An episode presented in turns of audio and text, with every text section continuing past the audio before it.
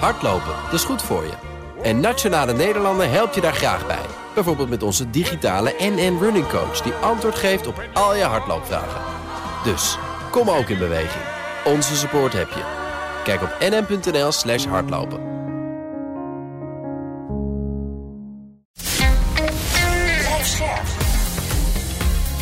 BNR Nieuwsradio. BNR Beurs.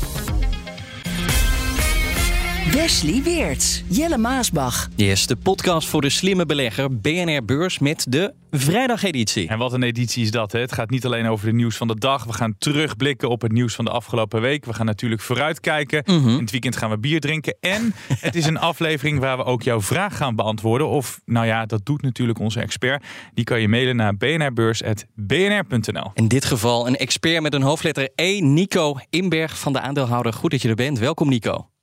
Graag eh, gedaan.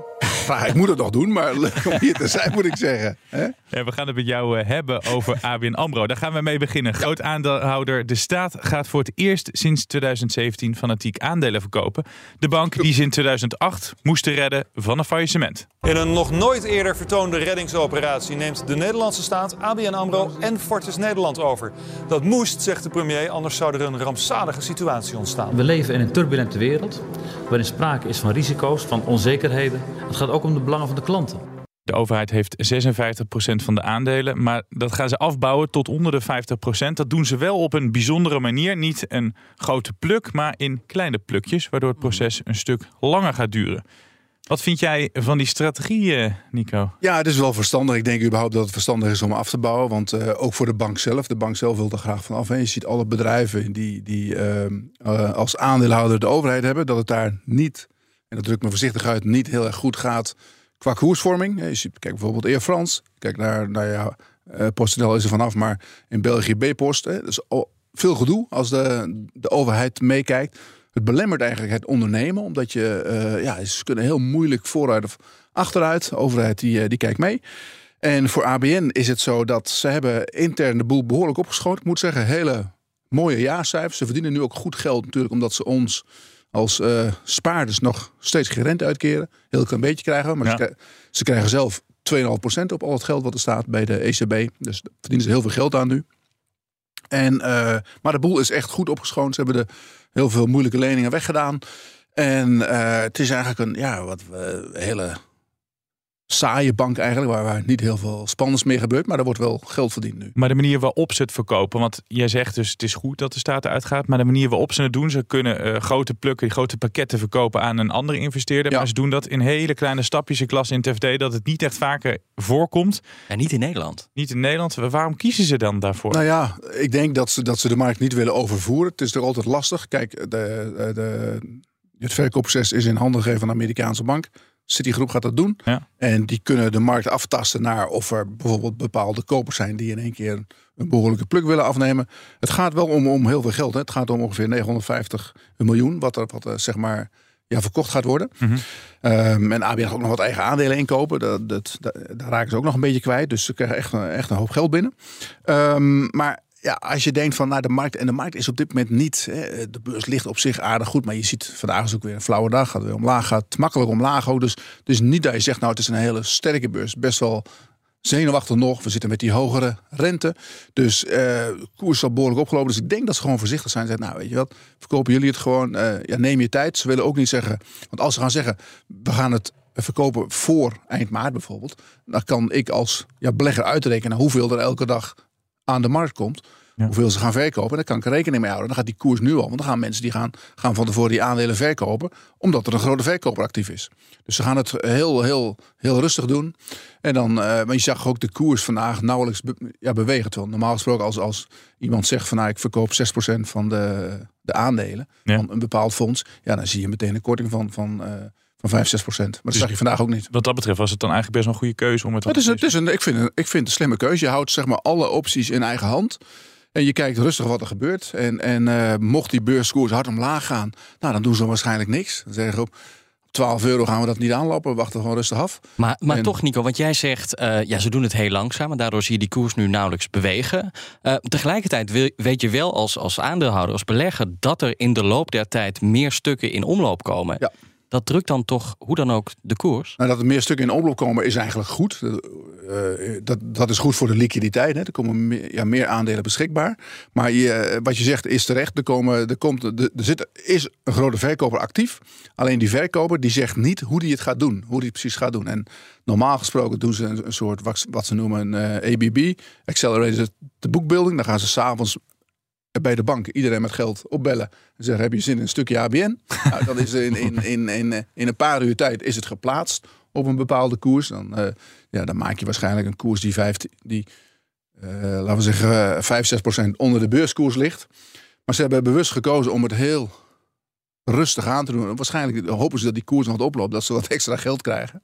En ik vind het wel slim. Heeft dat nog uh, impact op hun promotie eventueel naar de AEX? Want ze, ja, dat was het verhaal uh, deze week. Want ja, ja zeker. Heeft, heeft, dat, uh, heeft, dat, heeft dat invloed? Want ik weet niet wat nu het goedkoopste. Kijk, het, het, het, het bedrijf wat het laatst uit de AEX ging, dat was Justy Takeaway.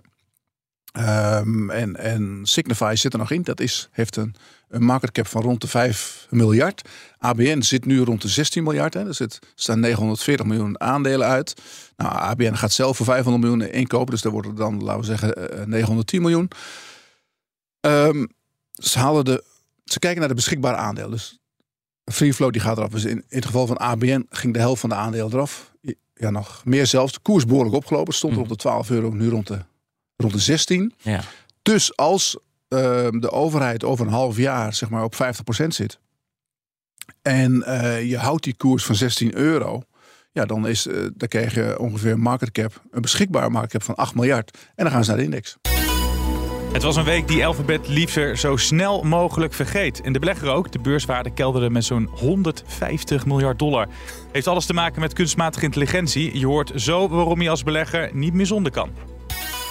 Maar eerst de verhalen waar we het eh, in BNR Beurs deze week ook over hadden. Het nieuws dat je niet mocht missen. En laten we even kijken ja, hoe dat is afgelopen, hoe dat allemaal is verder gegaan, hoe het er nu voor staat.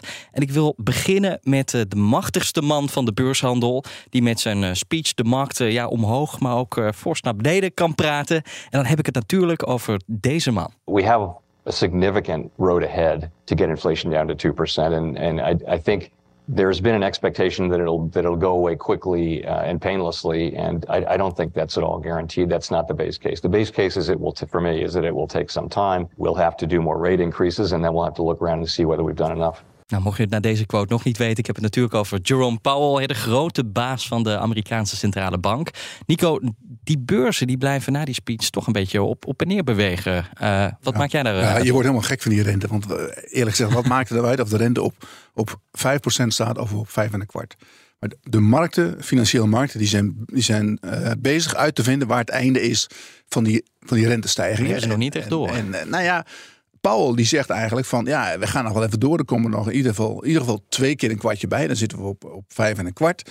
Uh, maar het rare was dat uh, afgelopen week toen kwamen de cijfers uit over de Amerikaanse arbeidsmarkt waren heel erg goed. Ja. Er kwam een cijfer uit over de, de, de dienstensector, was ook heel erg goed. Dus terwijl de, de financiële markten ervan uitgaan dat er een lichte recessie aankomt later dit jaar of ja, begin volgend jaar en de rente dus weer omlaag gaat richting 4, misschien 3,5 procent.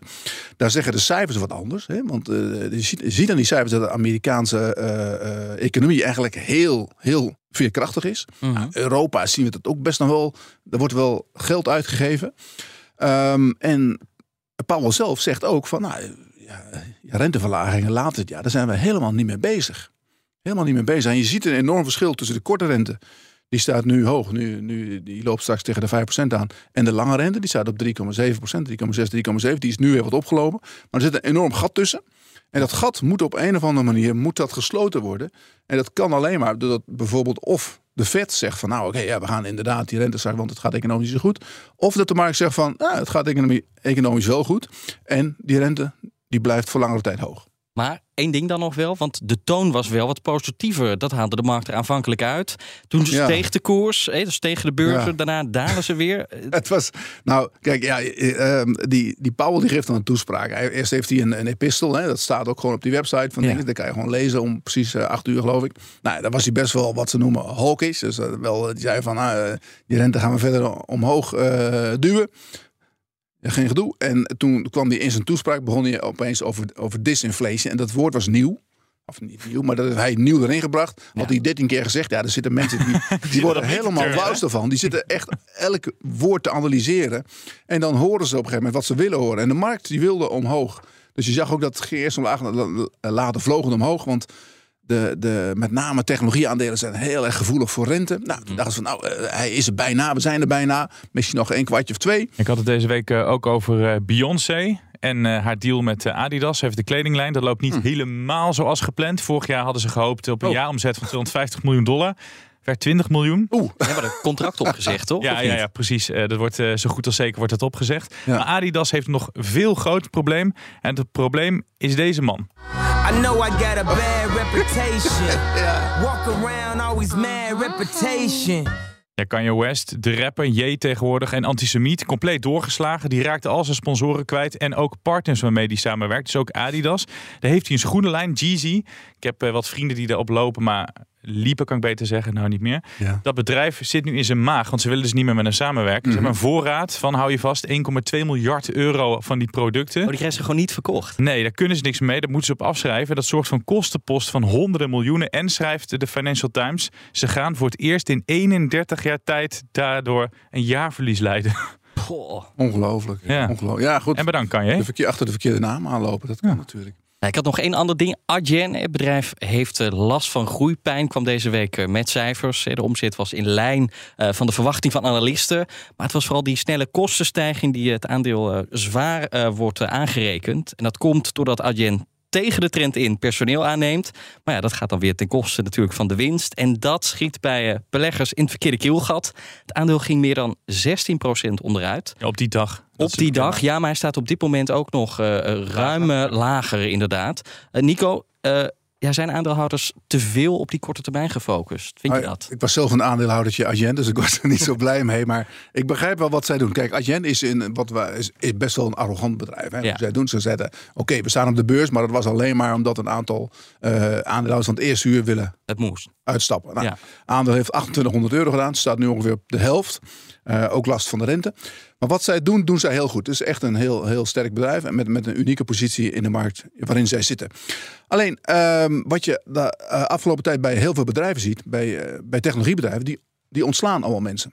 En Adyen heeft eh, een aantal maanden geleden al gezegd, nou, toen werd hun gevraagd, ja, jullie het ook? Nee, nee, nee, dat doen we niet. En nu blijkt dat ze heel veel mensen hebben aangenomen, juist in de tweede jaarhelft. Ze hebben iets van duizend mensen aangenomen. Of tenminste 750 in de tweede jaarhelft. Maar over het gehele jaar iets van 11, eh, 1200 geloof ik. Ja. Nou, dat kost natuurlijk geld. Er zijn, ze nemen geen, geen eh, stratenmakers aan. Echt dure jongens.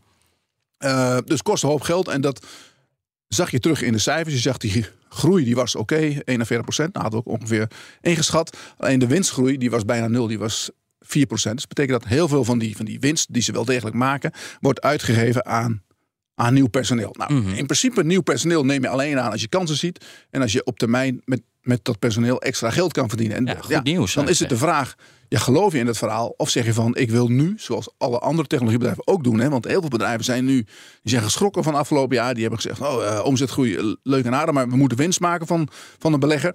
En zij zeggen als een van de weinigen, ja, dat winst maken kan ons echt geen hupplepup schelen. Wij, wij kijken naar de lange termijn. En wij eh, we focussen ons op de toekomst. En we zien enorme kansen. Want eh, het leuke van Adyen is, zij, zij doen de betalingen voor bedrijven natuurlijk. Dus je bent binnen bij zo'n bedrijf en je hebt een vertrouwenspositie. Want je mag Ja. de betalingen doen. Dus ze gaan ook aanverwante diensten gaan ze aanbieden. En dan zien ze, dan zien ze eh, enorme kansen in. En wereldwijd. We hebben een beetje een, een, een ja, rekensommetje gemaakt, Albert en ik, bij, bij de aandeelhouder. En, en Albert zegt van, als uitkomt wat ze zeggen, dan, dan heb je over zeven jaar, laten we zeggen richting 2030, is het, is het bedrijf vier keer zoveel waard als nu. Maar goed, dan is het nu een kwestie van, ja, geloof je ze? Of geloof van, ja, ik ben er even klaar mee. Want Geloof jij ze? ze maken volgend jaar nog geen winst. Ik geloof ze wel. Ik, geloof Ja. ze wel. ik denk dat het bedrijf, ze hebben het altijd zo gedaan. En eh, het komt misschien wat arrogant over, maar goed, ze, ze, ze, het is wat het is. Ja, Wes, je had het net over de verwachting van analisten in je verhaal over Adyen. Mhm. En we hebben een vraag eh erover binnengekregen. Want wij roepen elke keer op, mail je vraag. Die Ja. hebben we gekregen. Bnrbeurs.bnr.nl. Heel goed. En die komt van luisteraar Gijs Visser. En hij zegt, in nieuwsberichten lees ik vaak over de consensus of de verwachting van de markt. Bijvoorbeeld voor verwachte winsten van bedrijven. Maar ook als het gaat om de beleidsrente. En dan zijn vraag, wat is die consensus of marktverwachting? Wie houdt dat bij? En hoe komt die tot stand? Nou, er zijn allemaal analisten. Er zijn met name bankanalisten. Dat zijn hele goede analisten. Er worden wel eens een grap over gemaakt dat ze ernaast zitten. Maar in principe zijn dat jongens die, die volgen eh, tussen de 10 en 15 aandelen aan de neus. En, en eh, die, die zitten allemaal vaak in dezelfde sector. Dus die weten er echt heel veel van. Nou, die, die, die gaan ongeveer uitrekenen. Hebben ook contact met het bedrijf vaak. Hè. Die volgen het heel erg goed. En die komen tot een, een, een verwachting. En al die verschillende verwachtingen van die analisten. Die worden samengevoegd. En dan maken ze een gemiddelde van. En dat is de consensus. En heel vaak als we de cijfers ingaan, dan kijkt iedereen van oké, wat wordt er verwacht? Nou, dan nemen we de, de gemiddelde eh, en dan eh, wordt daar ongeveer, eh, ja, daar wordt het bedrijf dan ja, min of meer op afgerekend. En dus de moeilijkheid met Adyen, dat die komen maar één keer per half jaar met cijfers. En die geven ook geen outlook. Ze hebben alleen gezegd op lange termijn groeien we tussen de 25 en 32 procent. Nou, daar moeten de analisten het mee doen. Dus nu dat alle analisten ernaast zitten. Kijk, je kan ook zeggen, je kan zeggen het bedrijf eh, eh, ja, staat helemaal ja, naast ja, de, de consensus. Maar je kan het ook omkeren en ook zeggen, analisten zaten er volledig naast. Want het bedrijf doet dit. En analisten hebben dat gewoon helemaal verkeerd ingeschat. En jij vindt dat die analisten ernaast zitten. Nou, dat, dat, kijk, ik, ik, ik verwijt die analisten niks, want je hebt maar je beperkte informatie. Ja. En eh, ja, wat je nu ziet is dat al die analisten die moeten hun, hun verwachtingen bijstellen. Dus je ziet nu iedere keer lagere koersdoelen. Maar ze houden eigenlijk niet goed rekening met de lange termijn. Maar mooi, dan is de vraag van Gijs Visser beantwoord. Dankjewel Nico. Bij deze. Ook een ding eh, dat opviel deze week. De Chinese ballon die boven Amerika vloog, die werd neergeschoten. De Amerikanen lieten vannacht weten dat hij dus wel vol zat met spionagemateriaal. Geen weerballon was, zoals Nee. de Chinezen Oh ja? natuurlijk ja, dat beweerden. zei de China dan. Ja. Maar weet je wat ik hoorde eh, in de Amerika-podcast? Eh, weet je hoe ze dat ding hebben ontdekt, Nico? Nee. Op een hele primitieve manier vertelt Bernard Hammelburg. Wat die kwestie zo enorm groot eh, heeft gemaakt, is dat die ballon door een burger met een goede verrekijker was gezien. En die dacht dat het een eh, UFO was, dus een vliegende schotel of weet ik wat, zoiets. En daardoor werd het groot nieuws. En toen riepen de Republikeinen Biden meteen op om dat ding uit de lucht te schieten. Maar het Pentagon zei: nee, dat moet je niet doen. Eh, Je moet even wachten, want het is zo'n groot ding. Ja, zeker een groot ding. Was rond de 65 meter breed. Dat is drie bussen breed. Oh, oké. Ja, en dan Jelle, jij hebt meerdere keren lopen klagen, in de uitzending zelfs, maar ook op de redactievloer. Eh, je kon niet meer aanhoren. Chat GPT, kunstmatige helemaal gek intelligentie, AI, was er helemaal klaar mee. Eh, maar we gaan het er gewoon over hebben. Want zelfs de medeoprichter van Apple, die is eh, laaiend enthousiast. Good lord, look at a lot of AI examples where you drive a car and try makes decisions the dumbest driver in the world wouldn't make. Right. But now ChatGPT, it's just so um, I don't know, it's just kind of imp- imp- so impressive. Nu wel overtuigd, Jelle? Mwah. Na, na deze woorden. Het zorgt in ieder geval deze week voor een bloedbad bij het aandeel Ja. Alphabet. Dat zeker. Eh, eh, Zeker weten, ja. En Nico, eh, ja, het was een beetje de strijd deze week tussen Google aan de ene kant, Microsoft aan de andere kant. Eh, Google lijkt in dit geval de verliezer te zijn. Snap je die afstraffing?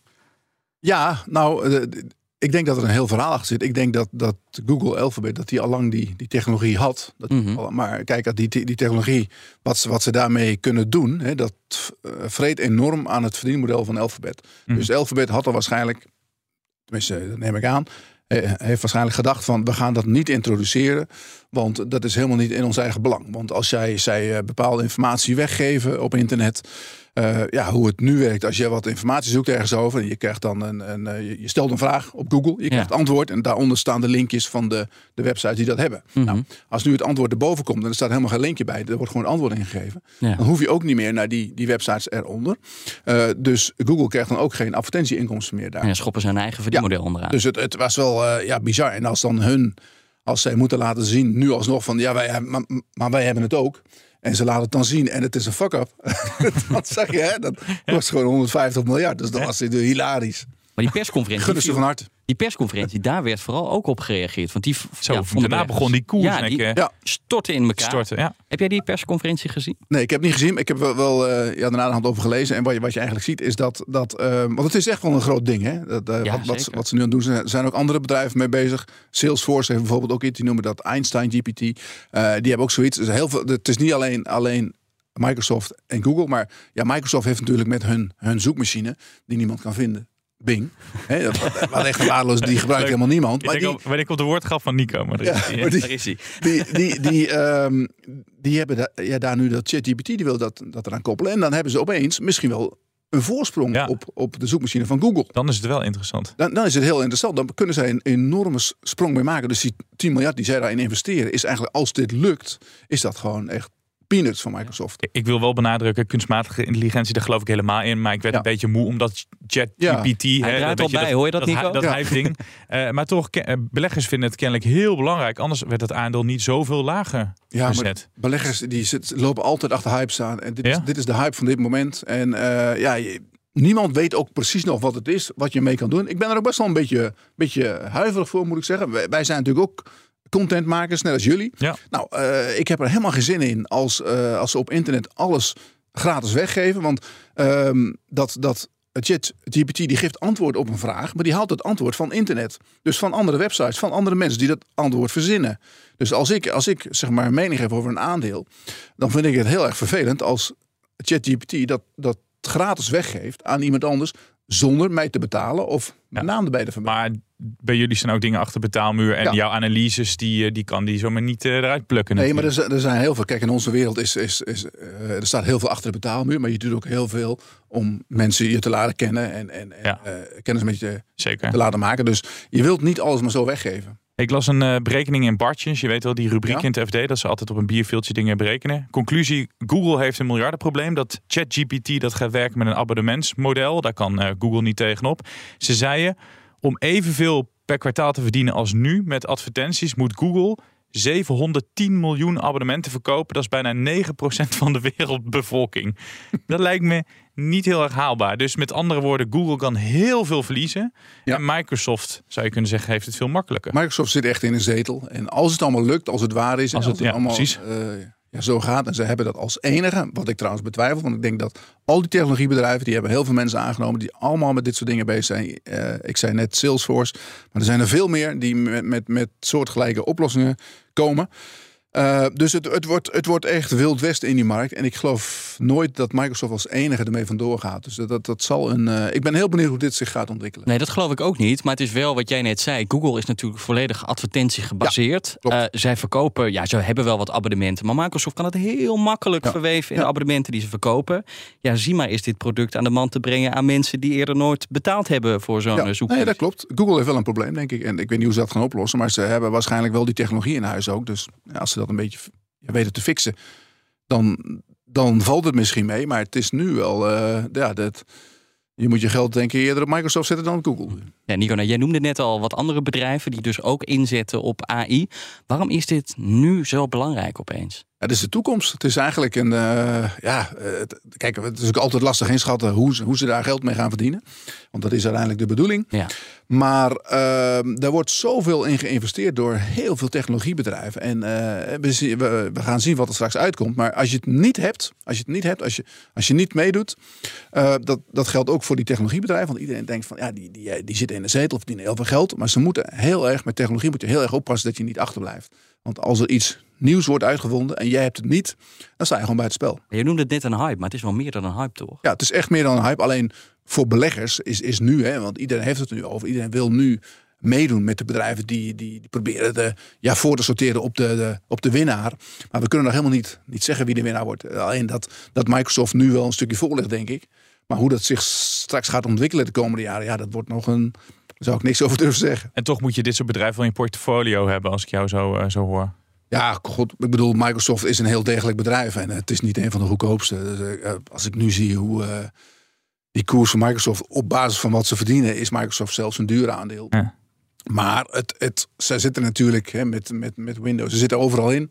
Dus ja, als je een breed gespreide portefeuille hebt, ja, dan hoort Microsoft daar wel in eigenlijk. We hadden het net over de redactievloer. Of Wesley zegt, ik hoor je wel eens op de redactievloer klagen. Op de redactievloer hadden we het er ook over dat het de Amerikaanse namen zijn. Hè? Amazon, Meta, eh, Alphabet, Tesla, Microsoft, eh, Apple, noem ze maar Ja, op. en de Chinees. En Chinees. Wanneer ga ik Europese bedrijven zien? Ja, dat is wel een probleem voor Europa. Want hier vissen we weer naast het net. Er is geen enkel Europees bedrijf wat daarmee bezig is. We hebben überhaupt niet van dat soort technologiebedrijven. Baidu schijnt er heel ver mee te zijn in China. Eh, die komen, dacht ik, in maart met hun laatste test of zo. Eh, die zijn ook heel ver. Die ging van de week 15% omhoog op, Ja. op alleen al dat persbericht. Ehm, en, en het zijn de Amerikaanse technologie. Ja, dat is enorm wat daar, wat daar aan technologiebedrijven zijn. Wat die allemaal doen. Hoe ze groeien en hoeveel mensen die... eh, we hebben het wel eens over dat ze heel veel mensen eruit gooien. Ja. Maar ze hebben in, in coronatijd hebben ze vijf keer zoveel mensen aangenomen. Dus het is, wat ze er nu uitgooien is maar een heel klein beetje van wat er eh, anderhalf jaar geleden is binnengekomen. Het is wel vet toch wat er in Silicon Valley en, en omgeving allemaal daar is ontstaan. Dat is Ja. niet normaal. En in Ja. garageboxen Ja, natuurlijk. nee, dat is enorm. En wat wij dan weer hebben gemist. Ja, nou hebben wij het over Google, over Microsoft, Baidu. Nou, dat zijn de, zeg maar de, de chatbots. Maar kunstmatige intelligentie kunnen natuurlijk nog veel meer toepassingen voor, voor bedenken. Zijn er toepassingen waar jij heel erg in gelooft en waar jij dan ook misschien wel al geld in hebt gestopt? Nou, nou, dat, eh, kijk, ja, er, er, er- er zijn oneindig veel, veel eh, toepassingen. Alleen ik denk dat je moet kijken naar toepassingen waar, waar bijvoorbeeld eh, eh, ja, menselijk kapitaal overbodig wordt. Dus, Ja. dus ja, arbeid overbodig wordt. Ik hoorde van iemand die, die wilde in een bepaalde sector op internet een, ja, soort begrippenlijst maken. En dat kan je heel makkelijk doen. Die geeft gewoon al die codes in. En dan maakt ChatGPT die maakt daar hele mooie verhaaltjes van. Ik ben heel benieuwd hoe het gaat met onderwijs. Want onderwijs is ook, ja, als je nu een proefwerk moet maken of een opstel, ja, dat is eh, in vijf minuten gebeurd.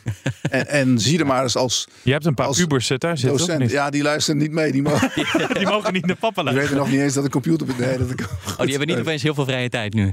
nee nou, maar goed, dat, dat zijn natuurlijk wel dingen. Daar, daar moet de maatschappij moet daar wel antwoord op geven. Want eh, ja, je ziet al dat het onderwijs is natuurlijk al ja, veranderd. Hè? Je kunt nu alles opzoeken. Ik moet zeggen, de jeugd die weet best wel veel. Mhm. Ik kijk naar eh, bij- ja, bij mij thuis, jongens, die, die weten best veel dingen. Omdat ze alles wat ze horen, zoeken ze op. En alles staat op internet. Dus je hoeft niet meer dingen uit je hoofd te leren. Maar ze, ze zoeken het op en dan weten ze het. En Jelle zei net ook van, ja, moet je kunstmatige intelligentie in je portefeuille hebben zitten? Toen zei je, ja, nou ja, toen ging- had je het vooral over Microsoft. Maar het zit in heel veel bedrijven straks. Het wordt ook wel eens, eh, zeg maar, de, de, de, de, de- de- de- we hebben de smartphone en het internet gehad. En nu hebben we AI. Is AI niet inmiddels gewoon onmisbaar geworden in, in je beleggingsportefeuille? Ja, maar ik, ik, kijk, eh, ja, om, er, om er rechtstreeks in te beleggen is misschien moeilijk. Ja, dan moet je, moet je een ETF kopen van Cathy Wood.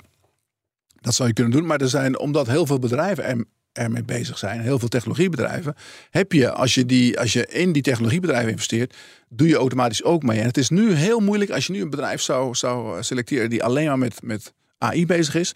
Dan ben ik bang dat je hetzelfde risico loopt als in 2000 met de internethype. Dat je dan MySpace koopt en wat had je toen nog meer? Zo Ja. wat allemaal, Ja. wat we nu niet meer kennen. Dat je dan, ja. dat je dan eh, ja, dat je gokt op de verkeerde paarden. Ja, het weekend moet nog eh, beginnen. Maar toch gaan wij alvast even vooruitkijken wat er volgende week op de agenda staat. Het wordt weer een week met heel veel kwartaalcijfers. En daarom voor de cijfernerds een overzicht van dag tot dag. Maandag trapt vastgoedbedrijf Vastnet af. De sector doet het goed op de beurs, want bedrijven die investeren in winkelcentra... die stijgen de afgelopen maanden. Dinsdag weten we hoe de Nederlandse en buitenlandse arbeidsmarkten voorstaan. Randstad opent dan de boeken. Met speciale aandacht voor de Nederlandse markt. Want tijdens de vorige kwartaalcijfers bleek dat alle markten omzetgroei lieten zien, behalve in ons land. Op de woensdag staan Heineken, Vopak, Aal Delhaize en CM.com op de planning. En op donderdag nog meer grote namen. Dan komen DSM, BAM, NN Group, Arcadis en Ordina. Ik zag jou niet meeschrijven. Het was nogal een hoop. Eh, Nee, ik, ken, dus ik heb toevallig vandaag een artikel gemaakt Oh. met die namen erin, dus ik weet het. Waar ga je aankomende week eh, zij specifiek is op letten? Ja, nee, nee, nee. Ik, ik, ik, ik kijk vooruit uit naar eh, eh, ja, de cijfers van Alphen. Ben ik benieuwd naar. Die gaven toch een soort impliciete waarschuwing bij de, de derde kwartaalcijfers. Nou, die maken laadpalen. Dat gaat Ja. erg goed. Ja. Elektriciteit wordt, het bedrijf doet alles, alles te maken met alles wat elektrisch is. Dus daar ben ik wel benieuwd naar. Ook naar hun outlook. Eh, de bouwers vind ik wel interessant. Bam en Heijmans hebben Ja. een tijd niks van gehoord. Eh, hoe is het met de stikstofgehoor en dat allemaal.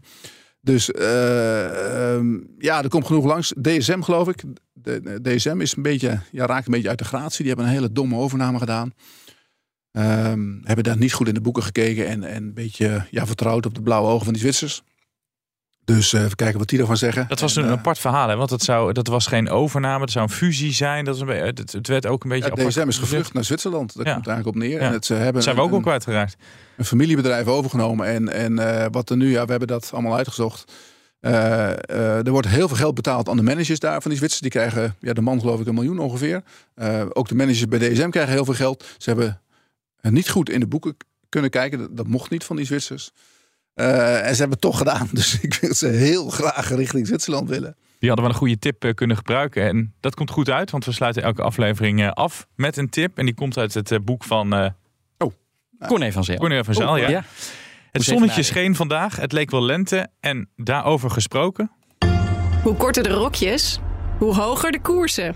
Precies. En dan zeggen wij goed weekend. En tot volgende week. Tot volgende week. Hardlopen, dat is goed voor je. En Nationale Nederlanden helpt je daar graag bij. Bijvoorbeeld met onze digitale NN Running Coach... die antwoord geeft op al je hardloopvragen. Dus, kom ook in beweging. Onze support heb je. Kijk op nn.nl slash hardlopen.